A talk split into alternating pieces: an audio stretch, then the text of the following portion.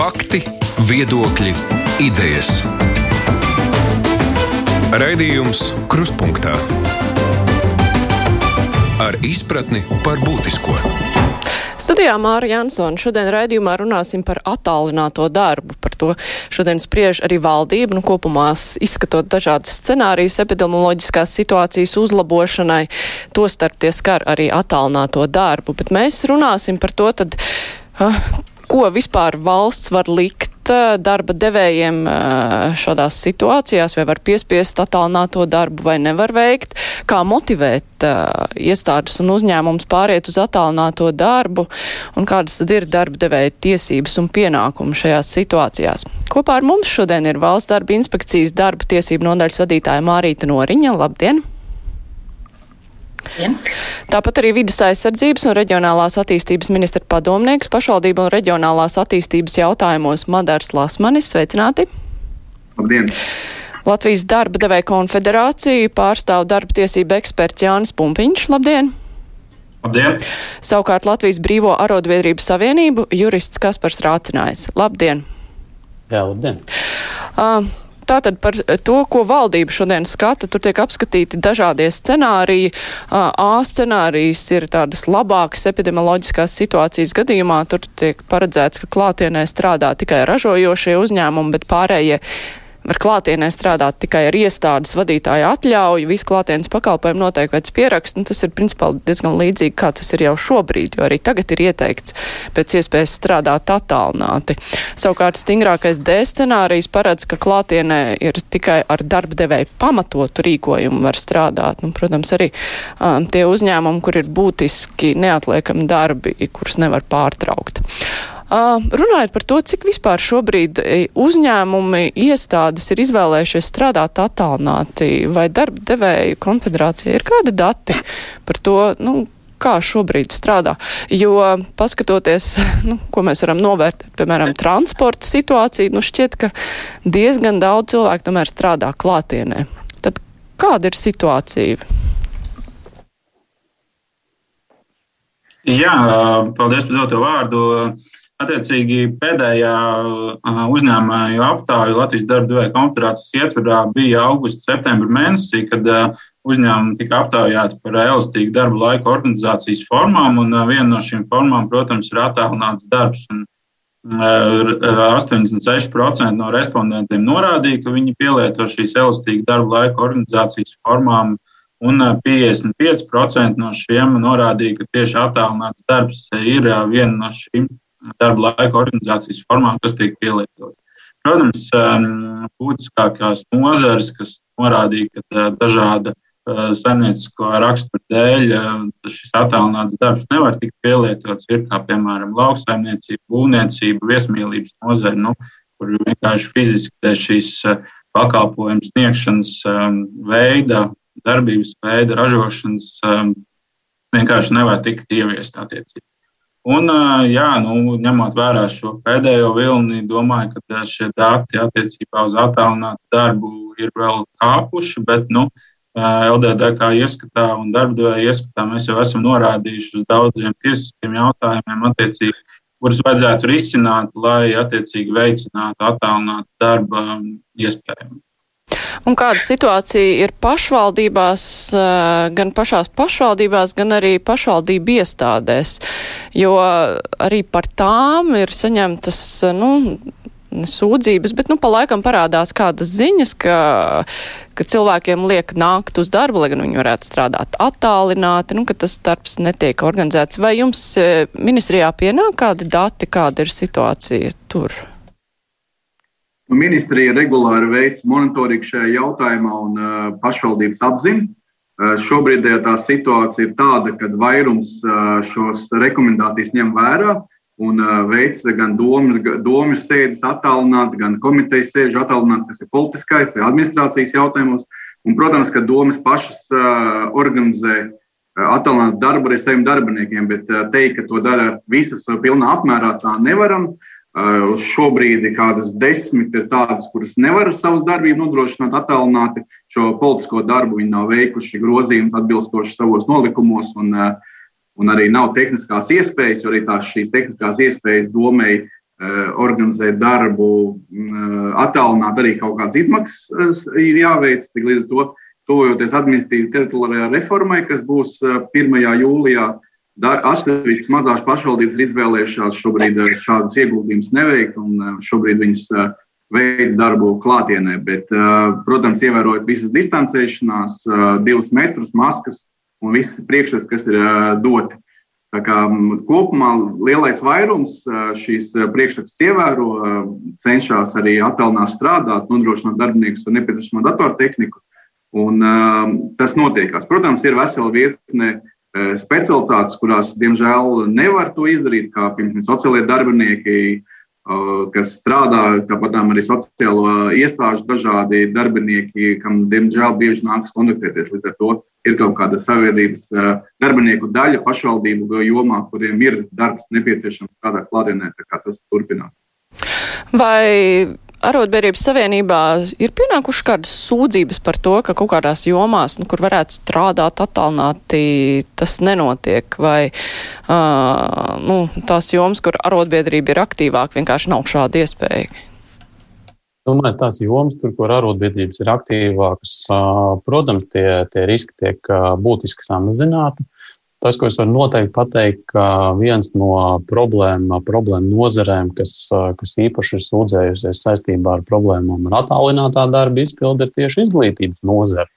Un tur tā, tā problēma, var teikt, ir diametrāli pretēji. No nu, vienas puses ir situācijas, kad uh, pedagogi baidās, piemēram, doties, uh, doties uz darba vietu, lai uh, sniegtu savas konsultācijas, ko, piemēram, skolēniem, ja tādas ir nepieciešamas. Un te arī rodas jautājums, vai konsultācija, piemēram, sniegšana obligāti ir nepieciešama tikai klātienē, vai to var darīt arī attālināti. Uh, savukārt otra daļa ir, protams, arī tāda, kur vēlas strādāt attālināti, bet viņiem šāda iespēja netiek tehniski nodrošināta. Tā kā um, sūdzības viennozīmīgi ir, uh, bet, lai teikt, ka tās būtu masveidā, šobrīd būtu pāragri. Un kā ir valsts darba inspekcijā, vai jūs saņemat sūdzības par to, ka kāds jūtas apdraudēts savā darbietā, bet uh, viņam neļauj strādāt attālināti? Nu, es gribētu teikt, ka um, līdzīgi arotbiedrībai, mēs negribētu teikt, ka tās ir kaut kādas tādas ļoti izteiktas tendences vai ka būtu tāds nu, īpaši pieaugums par šādu veidu sūdzībām. Mums drīzāk vairāk ir um, um prasīja, pieprasījums pēc konsultācijām, varbūt tāds, tādi kā ieteikumi un, un, un konsultēšanās, kādā veidā organizēt uh, darbu un vai ir iespējams. Um, teiks, nu, jā, nu, protams, ir arī gadījumi, kad varbūt kad viena puse, teiksim, darbinieks vēlās vēlās strādāt, bet darbdevējs atkal tā kā iebilst. Eh, drīzāk mums varbūt ir bijuši sākotnēji, tas gan bija kādu laiku atpakaļ vairāk, kad ehm, darba devējs tā kā vēlās, lai darbinieks tomēr strādā attālināt, un darbinieks savukārt nepiekrīt. Nu, zinām iemeslu dēļ, droši vien katram ir tie savi iemesli, un darba devējs tā kā tomēr grib, lai darbinieks strādā attālināt, lai tā kā nodrošinātu šo drošību. Savukārt darbinieks īsti nepiekrīt, un, un protams, ir skaidrs, ka šādam darbam jebkurā gadījumā ir nepieciešams nepieciešama šī apusējā vienošanās, šī apusējā sapratne un, un, un izpratne no vienas un otras puses, bet teikt, ka tas būtu tāds mm, dominējošais jautājums mm, inspekcijai, es noteikti neteiktu. Izglītības darbinieki jau pieminētie, nu tur ar valdības lēmumu viss strādā attālināti, un tur ir skaidrs, nu, ka tur nu, šis lēmums tāds var būt. Uh, bet ja mēs runājam par privāto sektoru, um, valsts var ierobežot uh, privātā sektora iespēju strādāt klātienē. Kā tas izskatās no nu, uzņēmē viedokļa? Jā, par šo jautājumu jau pagājušo nedēļu mēs iezīmējām tos būtiskākos problēmu jautājumus, kas, kas būtu risinājumi, ja šāda veida lēmums tiktu pieņemts attiecīgi. Pirmais būtiskais jautājums par uh, tiesisko rāmu, attiecīgi, kā darba devējs var uh, Eh, darbinieki norīkot eh, strādāt attālināti. Un otrs jautājums ir tiesiskais regulējums par izdevumu kompensēšanu. Attiecībā uz pirmo jautājumu šobrīd spēkā esošā darba likumdošana paredz to, ka eh, šāda veida abu pušu vienošanās ir paredzama, ja tos slēdz rakstveidā pie darba līguma.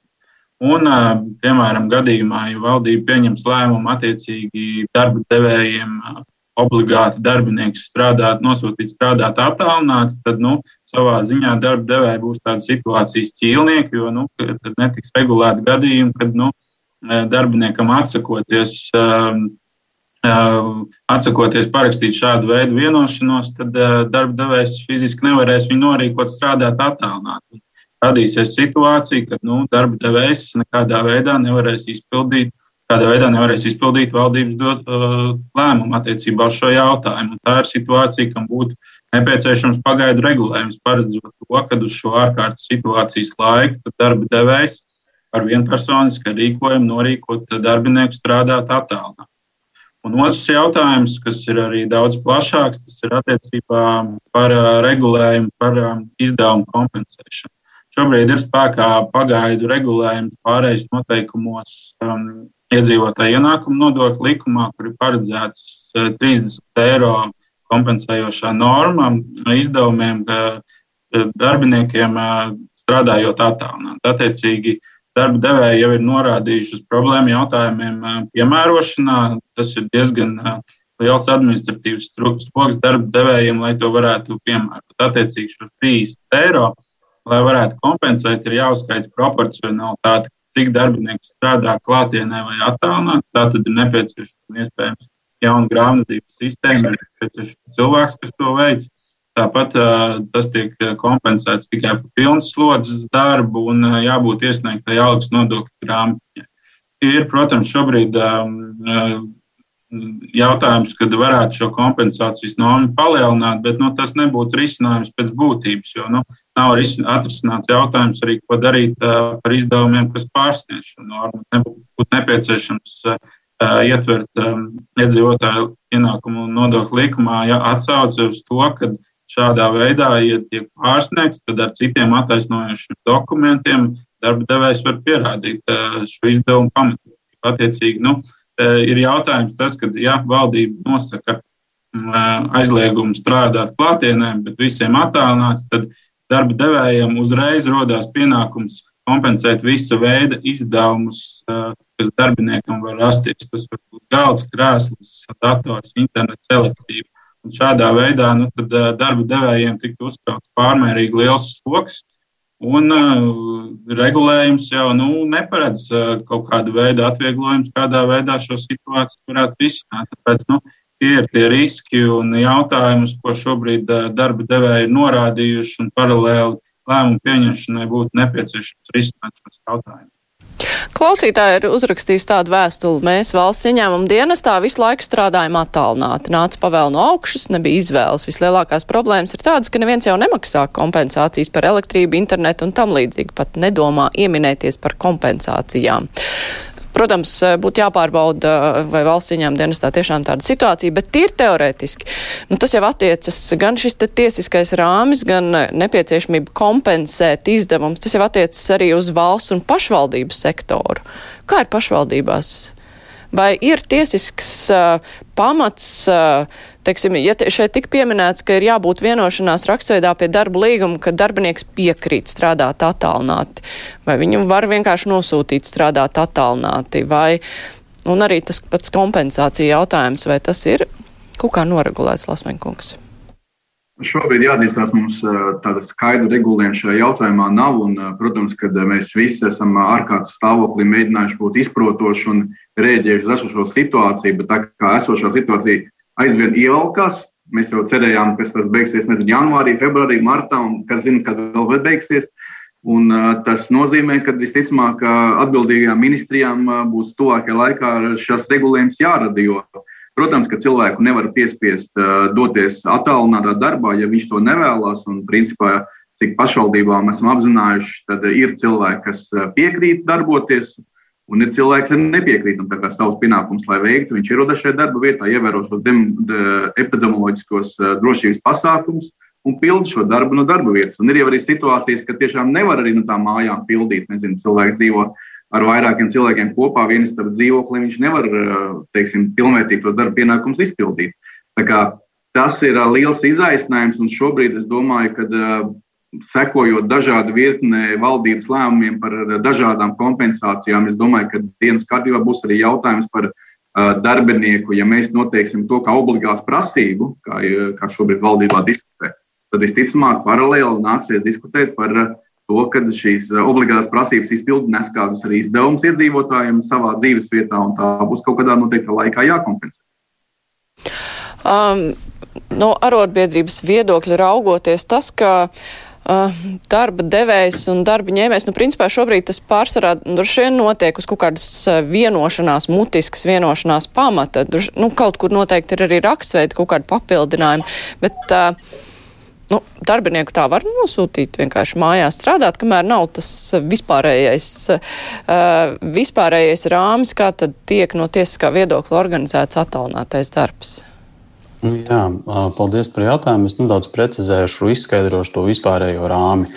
Tātad darba tiesībās viens no pamatelementiem ir tāds, ka darbinieks pakļaujas darba devējam, un darba devēja vadībā veids darba pienākumus. Savukārt darba devējs no savas puses apņemās maksāt un nodrošināt darbiniekam visus darba apstākļus. Tas ir arī darba tiesību pamata princips. Un viena no lietām, par ko obligāti ir jāvienojas darba līgumā, ir par vietu, kur tad darbinieks veic šos savus pienākumus. Darba likums jau šobrīd atļauj vienoties, ka tā var būt vai nu uzņēmuma teritorija, vai jebkura cita vieta, kur puses par to ir vienojušās. Līdz ar to no darba tiesību viedokļa izriet, ka šis jautājums par darbinieku darba vietu ir pušu vienošanās priekšmets. Otra lieta tālāk ir, kā par to tehniski vienoties. Protams, ja mēs skatāmies formāli, tad tas ir grozījums darba līgumā, bet tajā pat laikā darba likumā ir arī paredzēta tāda situācija, ka pat ja puses nav rakstveidā par kaut ko izteikušas kādu jautājumu, tad tām uh, mutiskās vienošanās arī ir spēkā. Līdz ar to, pat ja puses būtu tikai mutiski vienojušās, ka strādās no mājām, tad arī atbilstoši darba likumam šāda vienošanās būtu saistoša. Tā ir otra lieta. Ja mēs runājam par piespiedu mehānismu kā tādu, šeit ir jābūt ļoti uzmanīgiem. Normālā situācijā viennozīmīgi, ka tas nav pieļaujams, jo tā ir pušu vienošanās, un arī Eiropas Savienībā sociālajie partneri ir vienojušies, ka attālinātā darba, jeb teledarba pamatbūtība ir pušu vienošanās. Vēl viens aspekts, kas šeit būtu jāskatās, ir satversmes 106. pants, kas paredz tiesību, respektīvi aizliegumu piespiedu darba aizliegumu. Un tādā situācijā, ja tas būtu darba devējs, vai tā būtu valsts, kas ar savu tiesisko regulējumu pasaka, ka darbiniekam ir jāveic viņa privātajā teritorijā, savā dzīves vietā darba pienākumi, kuri sākotnēji nemaz netika nolīgti, nu, tad šeit varētu būt diskusija, vai šādas darbinieka tiesības netiek pārkāptas jau tīri satversmes kontekstā. Protams, vienmēr varēs stāstīt, šobrīd ir ārkārtējā situācija, visiem ir jāsaprot, jā, visi arī saprot. Nu, tad valsts tagad izdomās dažādus mehānismus, lai piespiestu uh, sabiedrības uh, interesu vārdā, kas būtu vispārējā veselība, uh, sociālā drošība, šajā aspektā darbinieks nosūtīt uz mājām. Bet šis jautājums, es pieļauju, ka kaut kādā brīdī, ja valsts paredz šo piespiedu mehānismu, tad tas var arī nonākt līdz pat satversmes tiesas gaitiņiem. Šie jautājumi ir valsts darba inspekcijas arī uzmanības lokā šī te, nu, tas, ka nu, nav īsti tiesiski noteikts, nu, kā cilvēks var nosūtīt strādāt mājās, šī piekrišana vai nepiekrišana, jo, nu, Klausītājs raksta, manas izmaksas ir augušas, esot mājās, sekas jutīšu tikai pēc kāda laika, tā skaitā veselības, kurš to kompensēs. Mēģināja iebilst, teica, lai meklēju citu darbu, ja nepatīk. Nu, respektīvi, tā kā nav paredzēts līgumā, ka cilvēku var aizsūtīt strādāt mājās, viņš tā kā negrib, varbūt viņam nav iespēju, un pasaka, nu, nepatīk, var iet prom. Kā jau es teicu, valsts darba inspekcija ir kontrols un uzraudzības institūcija, un attiecīgi mēs uzraugam to, kas ir likumā noteikts. Protams, ja darbinieki vēršās pie mums, un kā es sākotnēji jau teicu, mums šobrīd man vienkārši nav tādas informācijas, lai es varētu teiksim, analizēt, kāda ir reālā tā situācija. Bet, protams, tajos gadījumos, ja darba, devingam, ja darba likums paredz darbiniekam šīs tiesības, protams, darba devējs arī viņas nedrīkst pārkāpt. Un, protams, ja būs tādi konkrēti gadījumi, mēs vērtēsim, jo, nu, teiksim, runāt vispārīgi ir diezgan nekonkrēti, jo jāskatās, kāda ir tā faktiskā situācija, kāpēc darbinieks, teiksim, varbūt, kāpēc tas darba devējs piespiež, jo vienmēr pastāv iespējas, pat, pat ja darba devējs šī gadījumā piedāvātu darbiniekam darba līguma grozījumus, mums ir jāatcerās, ka Protams, ja darbinieks nepiekritīs, eh, darba devējs jau, protams, nu, kā spēcīgākā puse var arī pārtraukt šīs attiecības. Nu, kā jūs sakat, ja? Bet, ja darbinieks vērsīsies tiesā, tad jebkurā ja gadījumā būs jāvērtē, cik tas ir pamatoti, cik tas ir argumentēti un eh, vai tiešām tajā konkrētajā situācijā nav bijis eh, iespējams cits risinājums. Um, šobrīd manā rīcībā tiešām nav informācijas, ka būtu šī situācija tik ļoti sāsināta, ka kāds arī varbūt būtu atbrīvots no darba, un nu, vismaz mums būtu informācija par tādu.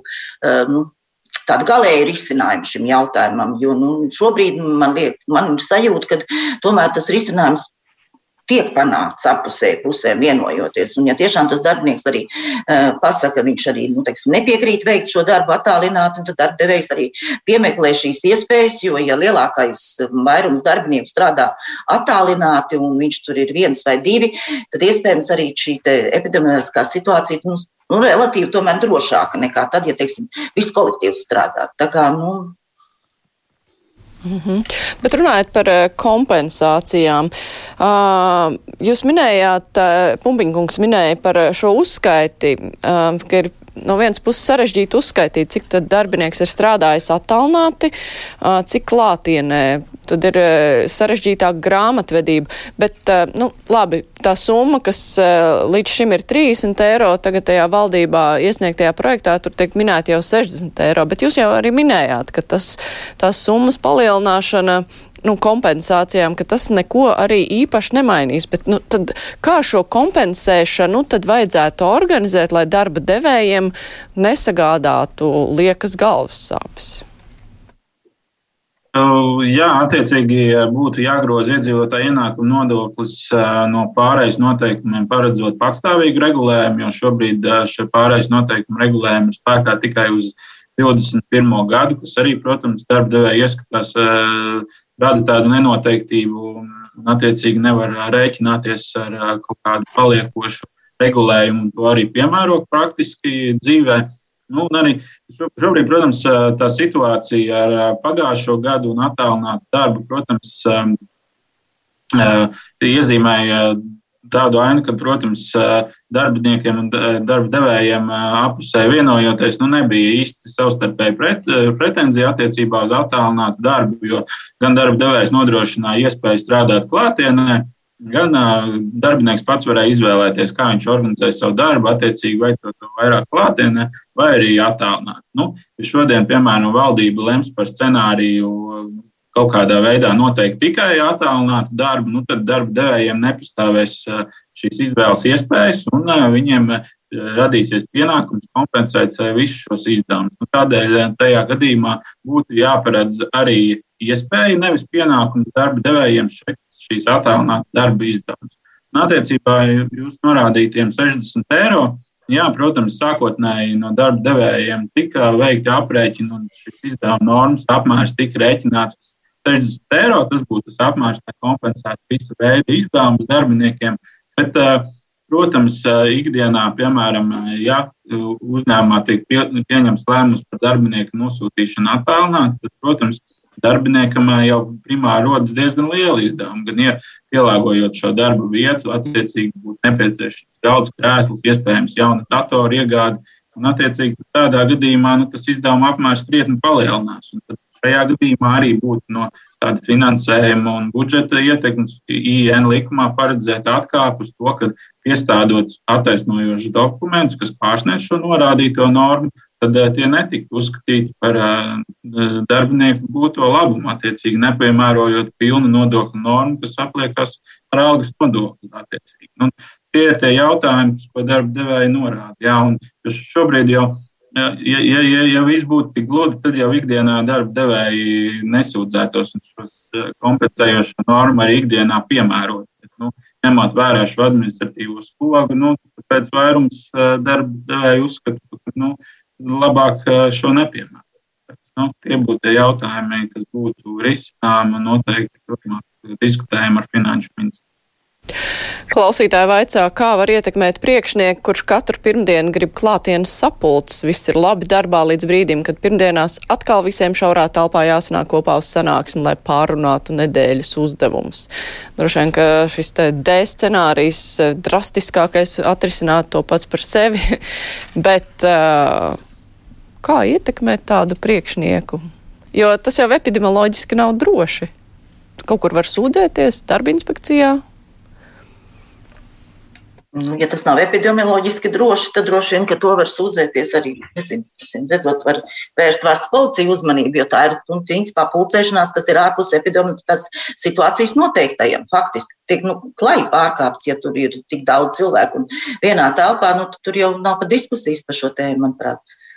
Mm -hmm. Tad ieteikums. Jā, arī gribēju papildināt, ka tajos gadījumos, kad uh, ir cilvēkam ir sajūta, ka nav droši un nav ievērota epidemioloģiskā situācija, var vērsties gan valsts, gan pašvaldības policijā. Un tās atbilstoši reaģē, un arī būtībā šis priekšnieks var saņemt patiesībā naudas sodu par šī normu neievērošanu. Mm -hmm. Galvenais, lai neuzzina, kurš tad ir tas ziņotājs. Es atgādināšu klausītājiem un vēlāk ar Latvijas televīzijas skatītājiem, ka šodien kopā ar mums ir valsts darba inspekcijas darba tiesību nodaļas vadītāja Mārīta Noriņa, vidas aizsardzības un reģionālās attīstības ministra padomnieks Madars Lasmanis, Brīvo arotbiedrības savienības jurists Kaspars Rācinājs un darba tiesība eksperts Latvijas darba devēja konfederācijā Jānis Pumpiņš, mēs turpināsim tūlīt jau ar tādām praktiskākām lietām. Raidījums Krustpunktā. Viena problēma saistībā ar attālināto darbu ir uh, darba laika uzskaite. Jo es, es arī lasot uh, klausītāju vēstules, es redzu, ka ir nu, divi diezgan pretēji noskaņoti viedokļi. Viena ir klausītāji, kur labprāt strādāt no mājām, bet varbūt viņiem nav tādas iespējas, un citiem savukārt ir jāstrādā no mājām, viņi gribētu strādāt darbā. Bet, dažiem, kas attiektos uz visiem, ir darba laika uzskaita, kas ir krietni droši vien sarežģītāka attālinātajā darbā.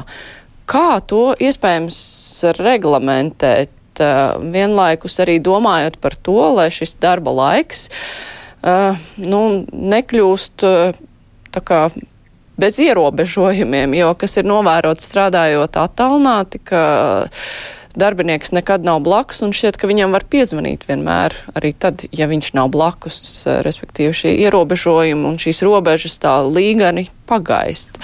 Kā veikt uzskaiti darba laiku, ja darbs notiek ne birojā. Mm, ja drīkst, es varbūt nokomentēšu. Tātad pirmais, tas, kas ir jāsaprot, ka darbs attālināti pēc būtības neatšķiras no darba klātienē. Ko tas nozīmē, ka darbiniekam ir jāpakļaujas darba devēja noteiktajai kārtībai, Un, ja darba devējiem ir kārtība tāda, ka darba laiks sākas 9 līdz 5, tad darbiniekam ir pienākums šajā laikā veikt savus darba pienākumus, būt sasniedzamam un nevis skatīties piekdienā nenoskatītos seriālus, bet pildīt savus darba pienākumus. Tas ir numur viens. Numur divi par pašu darba laika uzskaiti. Tieši tāpatās kā darba devējs uzskaitīja darba laiku darbiniekam, kurš sēž trešā stāva 316. kabinetā, Tieši tādiem pašām metodēm viņam ir iespēja uzskaitīt arī darbinieku darba laiku attālināti. Protams, šeit var būt mīnus, ka nebūs, piemēram, uzņēmumā sekretāri, kas var apsteigāt kabinetus un pārbaudīt, vai darbinieks ir uz vietas, bet šeit var izmantot dažādas metodas un tehnoloģiskos risinājumus, kā ar darbinieku sazināties, pārliecināties, piemēram, uzzvanīt, pajautāt un tā tālāk. Uh, un um, šādā veidā uh, pārliecināties, vai darbinieks veids uh, darba pienākumu izpildu. Trešā lieta - darba devējiem jau ļoti bieži ir svarīgi, lai tiek paveikts um, konkrēts darbs. Tas nozīmē, ka arī pēc paveiktā darba var zināmā mērā monitorēt, vai darbinieks um, pilda savus pienākumus vai arī nepilda.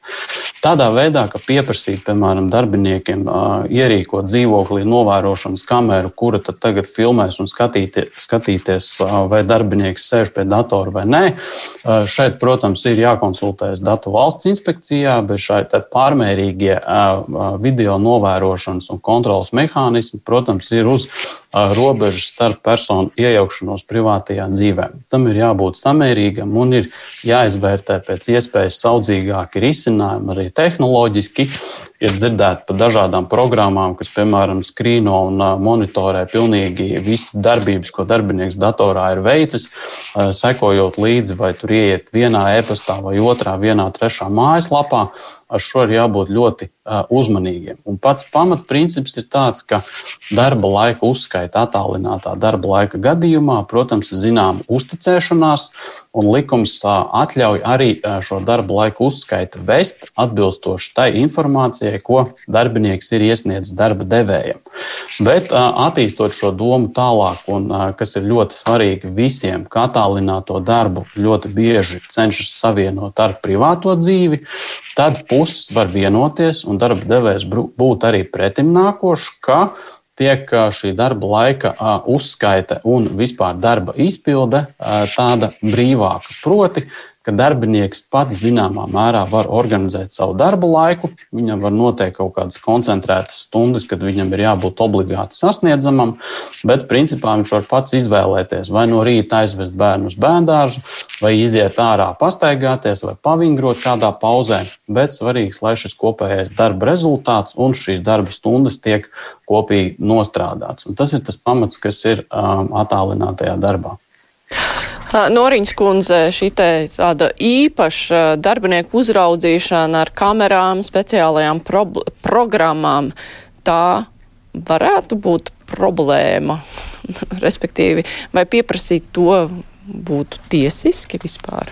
Kā jau Kaspars norādīja, tā ir datu valsts inspekcijas kompetence, un, un, un Kaspars arī norādīja, ka jābūt ļoti uzmanīgiem šajā ar šādu, šāda veida uzraudzība, nu, tā ir, man, manuprāt, pārmērīga.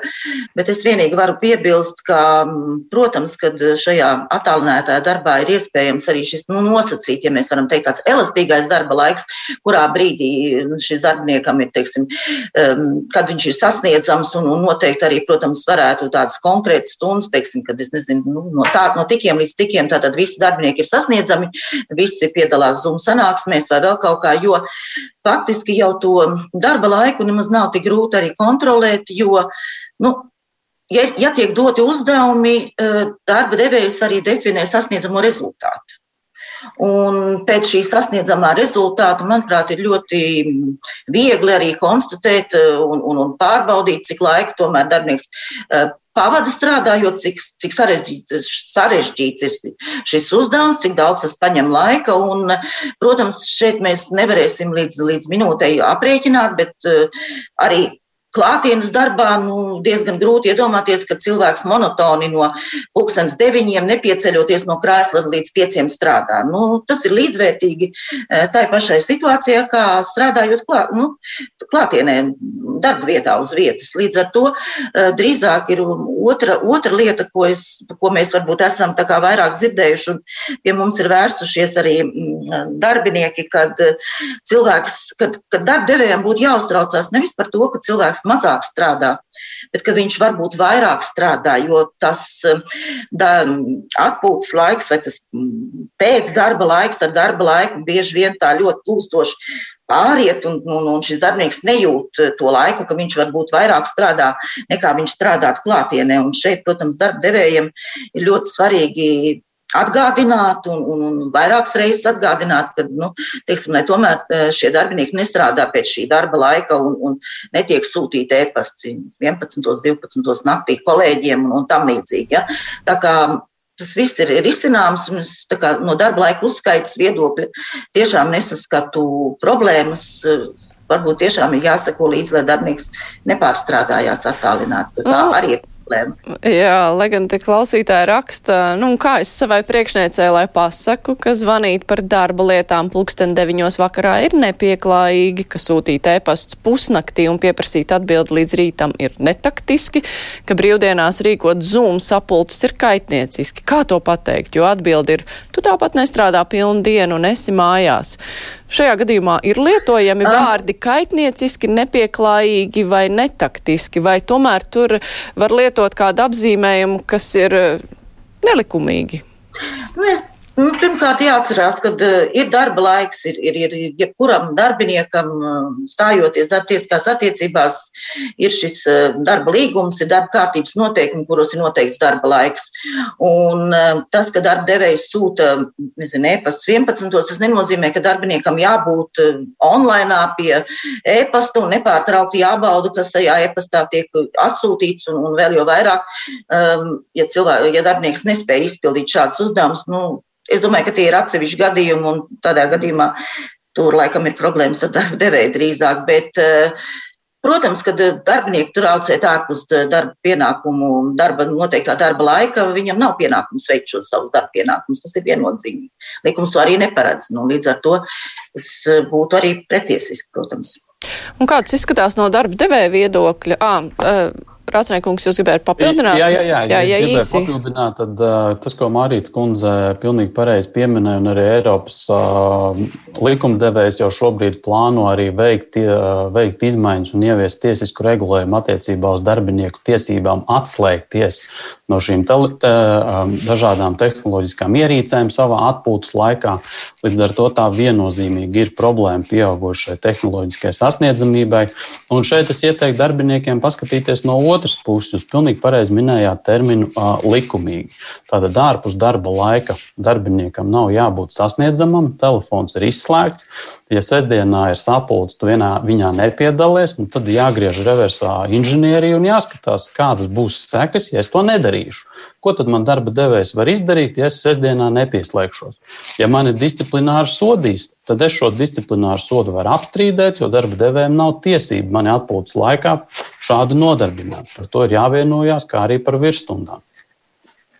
Un tā tad, kā tas izskatās no darba devēja viedokļa, jo savukārt darba devējiem droši vien ir nu, kaut kā jāmēģina panākt, lai cilvēki strādā pietiekoši ražīgi arī no mājām. It īpaši mēs vēl zinām, ka vecākiem ir vēl paralēli jāmāca bērni, kas arī varbūt ietekmē darba kvalitāti. Jā, atgriežoties pie jautājuma par šo darbu laiku uzskaiti, to šo jautājumu jau arī darba devēja konfederācijas ieskatā mēs esam akcentējuši labklājības ministrijā kā vienu no problēmu jautājumiem, kur būtu nepieciešams risināt, jo, nu, ņemot vērā arvien vairāk šīs elastīgās darba laika formas, uh, piemēram, arī tādu regulējumu kā nenormāls darba laiks. Tas ir attiecīgi, kad uzņēmuma darbinieks strādā tās pašas 8 stundas dienā, bet ar darba līgumu viņam tiek noteikti nenormāla darba laika uzskaita. Un, attiecīgi, savienojot šo vēl vairāk ar darba un ģimenes dzīvi, darbinieks var elastīgi plānot savu darbu laiku, piemēram, uzsākt darbu laiku pat vai pulkstenis septiņos eh, no rīta vai beigt eh, pulkstenis deviņos vakarā. Attiecīgi šādā gadījumā tad, pats elastīgi plānojot un, un skatoties. Ja iepriekš šāda veida regulējums bija piemēram noteikts vairāk augstu līmeņu vadītājiem, nu, tad šī brīža situācijas apstākļos nu, ir arvien vairāk visa līmeņa darbiniekiem noteikts ņemot vērā, ka šīs darba laika uzskaits tabulas parasti tiek aizpildīts nu, no 8 līdz 5, nu, tad jautājums ir nu, no valsts iestāžu puses, kad, nu, kā tie, tās stundas pieņemts, kā viņas tiek attiecināts. Pēc, nu, tas ir risināms jautājums. Un, un, un, un, un būtu nepieciešams risinājums. Jo pretējā gadījumā, nu, ņemot vērā, ka attālināts darbs nekur nepazudīs, noteikti arī attīstīsies dažādi veidi, arī attālināta darba, elastīgas iespējas. Tāpēc nu, būtu nepieciešams domāt arī par šādu veidu. Viens eh, cits svarīga lieta saistībā ar attālināto darbu ir eh, tehniskais nodrošinājums. Tam, protams, vajag datoru, un nu, pieredze rāda, ka ir jā, daudz darba devēja, kur nodrošina uh, datorus, īpaši, ja vēl tas ir jomās, uh, kur tāpat dažkārt cilvēki ir strādājuši no mājām, bet tomēr ir pietiekami daudz vietas, kur cilvēki strādā uz savas tehnikas, jo vienkārši tās pašas pašvaldības nevar visiem nodrošināt dators. Tas ir ne tikai mazajās pašvaldībās, arī Rīgā. Visiem nav nodrošināt darbiniekiem, kur strādā no mājām, piemēram, datori. Vai vispār ir iespējams parūpēties par visiem darbiniekiem? Lasmenkungs, kā jums šķiet? Es domāju, ka ir iespējas parūpēties. Ir vienmēr vienīgi jautājums tajā, kas ir pašvaldības prioritātes un kā viņi savu budžetu plāno. Jau no pagājušā gada, kad sākās šī Covid krīze, valsts kasē aizdevuma speciāla programma tieši veicināt pašvaldībām darba iespējas attālināti. Protams, šī programma nav diezgan populāra pašvaldību vidū. Pagājušajā gadā, man liekas, bija realizēti 16 projekti. Arī šāda programma pieejama šobrīd. Un šīs programmas ietvaros ir gan iespēja pilnveidot savus, teiksim, balsošanas kādas iekārtas vai programmatūras pašvaldību domu darbā, ka tā pašā tā skaitā arī veicināt darbinieku attālinātā darba iespējas dažādu tehni, tehnisko risinājumu iegādē. Protams, ka pašvaldības visur saka, ka viņām ir sava autonomija, un ar šo savu autonomiju viņas arī izvēlās, ko viņas dara ar saviem līdzekļiem. Un šī gadījumā, nu, jā, no attālinātais darbs redzam, ka vairumā pašvaldību laikam nav tāda aktuāla lieta, ja, ja ir indikācijas. Bet, nu, godīgi jāsaka, mums nav varamā darbinieki no pašvaldībām, sūdzējušies par kādām liet, eh, situācijām, kad eh, trūkst datortehnikas vai, vai kad eh, darba devējs kā pašvaldība nenodrošina iespējas attālināt strādāt. Tur jāskatās katrā situācijā individuāli. Tas ir jautājums, kas ir saistīts ar skolu nodrošinājumu, datortehniku un datorlietām. Tas ir izglītības ministrijas kompetencē. Arī tur regulāri, es zinu, piešķir līdzekļus, lai šo tehniku nodrošinātu. Rācnēkungs. Um, jā, es gribēju papildināt, ka pašvaldībām, protams, var būt sava autonomija, bet viņas nav autonomas no likuma izpildīšanas. Proti, šobrīd darba likumā ir ļoti skaidri nodefinēts, ka izdevumi, kas ir saistīti ar darba izpildi, tos sedz darba devējs. Un darba devējs plašākā izpratnē, vai tā būtu valsts, vai pašvaldība, vai SIA vai akcijas sabiedrība, ir pienākums sekt šos izdevumus. Ja darbinieks, kurš strādāja savā birojā Rīgā, Viņam kabinetā bija dators, ok, ja tas nebija portatīvais dators, nu tad vedam to kasti ar monitoru uz mājām, un darbinieks strādā no mājām. Kur šeit ir problēma un kāpēc obligāti tagad ir jāstāsta, ka ir jāpērk jauns dators? Es saprotu, ka varbūt nērtība, piemēram, ja būtu jāstrādā divas dienas mājās, trīs dienas darbā, nu tad to kasti šurpu turpu vadāt būtu nērtība. Un tad prasītos ērtāk jauns portatīvais klāt. Jā, tik tālu, jā, bet ja šobrīd, pieņemsim šodien, valdība pieņems lēmumu, ka visiem ir jāstrādā mājās, Nu, tad es, piemēram, man personīgi, ok, ir portatīvais, bet uh, monitoru es esmu atvedis uz mājām no darba. Es esmu atvedis arī krēslu. Līdz ar to, principā, arī printers, klaviatūra, viss man ir no darba atvests mājās, un šādi arī tiek nodrošināts attālinātais darbs beigsies ārkārtējā situācija, to visu aizved atpakaļ.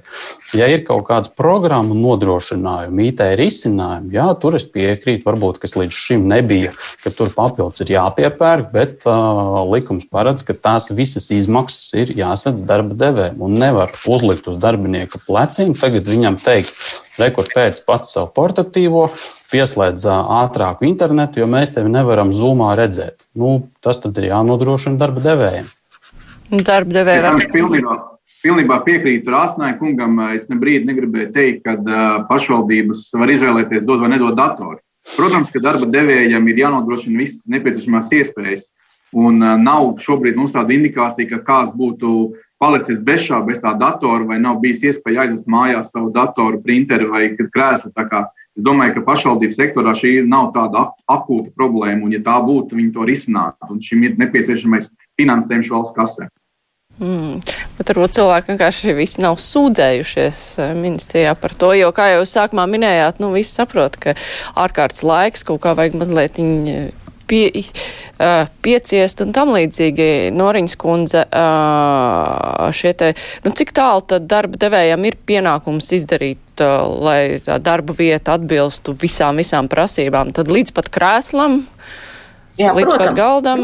Nu, tieši tā kā Kaspars teica, jā, nu, tā arī dara. Un, manuprāt, arī mm, cik nu, mums ir arī informācija, un vēr, tāpat mums ir konsultējušies visi arī ļoti daudz valsts iestādes, tā ir rīkojušās šajā situācijā. Un tas ir pilnīgi normāli, īpaši arī darba, teiksim, krēsls, kas ir ērts, vai, vai, vai varbūt galds par darbiniekam ir nepieciešams. No, to visu var nokārtot. Protams, tas prasa varbūt nedaudz vairāk laika un tādu vēlēšanos, varbūt gribēšanu meklēšanu no darba devēja puses, bet tas nav nekas neizdarāms. Es te neredzu tādu lielu problēmu. Un, un, un, un eh, teiksim, tādu no valsts, val, valsts iestādēs un pašvaldībās, es domāju, ka eh, šai nevajadzētu būt nekādai problēmai. Iespējams, ka, eh, ja tas ir pie privātas struktūras, tad varbūt tas darba devējs varbūt vairāk neizsaka, nu, teiks, nav tik aktīvs, bet arī tur ir risināmi šie jautājumi. Un par datoru tieši, tieši tāpat, jo, nu, jo darbinieks jau darbā strādā ar datoru. Nu, Tātad tas ir tas pats eh, darba aprīkojums, ko, var, ko viņam aizved uz māju. Un, un viņš strādā no mājām. Protams, ja tas dalītājs, nu es piekrītu, tad ir diezgan sarežģīti, bet nu, izskatās, ka, šim, ka turpmāk tas būs vēl vienkāršāk izdarāms, ja mums būs visiem noteikts pienākums strādāt mājās. Nu jā, tas pienākums strādāt mājās ir uh, variantā D. Tur tie saslimstības cipari, pie kāda iedarbināt variantu D, gan bija ļoti nepatīkami un augstas. Tomēr ceru, ka līdz tam nevajadzēs nonākt. Bet uh, nu viena lieta ir, ja mēs runājam par darbiniekiem, kuri dažreiz strādā mājās, nu, kuri vienkāršāk to organizēt, bet tajā variantā D, kad uh, dzīves vietu var atstāt tikai pamatots nepieciešamības gadījumā, visi maksimāli strādā attālināt, tajā skaitā daži dažādu iestāžu, nu, kuri galīgi nevar strādāt klātienē, atbalsta darbinieki, respektīvi cilvēki, kuri nekad nav strādājuši no mājām, kur parasti nu, nekad neviens nav domājis. Nu, ko tas darba devējiem tad prasa? Pārorganizēt to tik ļoti. Un domāju, ka ne tikai pārorganizēt, bet droši vien iespējams, ka arī um, apmācīt kaut kādām iemaņām darbiniekus, jo, nu, tomēr iespējams, ka darbinieki arī neprot strādāt, iespējams, arī jā, jāiemācās būs um, tikties Zoom sanāksmēs un tam līdzīgas lietas. Un, protams, tas arī ar to arī jārēķinās, ir, kad, kad teiksim, vairāk strādāt ar tehnoloģiem, iespējams, ka uh, kādai darbinieku kategorijai tas būs kā, nu, arī papildus, varbūt Es, es neteiktu apgrūtinājums, bet nu, izaicinājums papildus, ja, ja, ja, ja, tā, ja tas tiks pieņemts. Mm -hmm. Pumpiņkungs. Nu, ir jāsaprot uh, viena lieta, ka nu, principā ne visi uzņēmumi ir uh, gatavi pārslēgties tik krasi uz uh, šādu veidu uh, attālinātu darba laika režīmu. Nu, es saprotu, protams, ir uh, Ir tādi uzņēmumi, kas, ir, protams, ir parauga visiem, kas jau pirms vispār eh, ierobežojumu spēkā stāšanās jau pārgāja šādu attālinātu darba laika režīmu, iepērkot gan tehniku atbilstoši, gan apmācot darbiniekus, un eh, diezgan veiksmīgi to šobrīd ir ieviesuši. Bet nu, jāsaprot, ir tas, ka, eh, protams, ne visi to ir izdarījuši. Un šādā veidā ar vienas dienas lēmumu tad, nu, uzņēmumiem būtu tāda augsta duša, attiecīgi nebūtu iespējams iegādāties nu, tieši tā kā jau minēju, šo pašu tehniku. Jo, nu, piemēram, tie paši datori, nu, tie datori iepirkumi šobrīd ir divus līdz piecus mēnešus gaida rindā, un pat tie datori nemaz nav pieejami. Un, Attiecīgi arī tāpatās arī darbinieku apmācīšana. Nu, tā savā ziņā ir pārkvalifikācija, tās ir datoru prasmes, kas ir jāiemāca strādāt darbiniekiem, Un, protams, tas ir papildus izmaksas, kas rodas darba devējiem. Un šī brīža krīzes apstākļos, protams, nu, šī, šie apgrozāmie līdzekļi ir diezgan ierobežoti. Tāpēc nu, darba devēji šobrīd ar lielām bažām skatās, kā, kāda lēmuma tiks pieņemta un, attiecīgi, kāda veida risinājuma atbalsta mehānismu arī attiecīgi tiks pielāgot šādu veidu lēmumiem. Bet uh, vajadzētu kompensēt vairāk nekā tos minētos 60 eiro, kas tiek maksāt par to, ka darbiniekam ir kaut kādi papildus izdevumi. Jo tīri tai pārorganizācijai, iespējams arī kaut kādām papildus drošības sistēmām vai kam.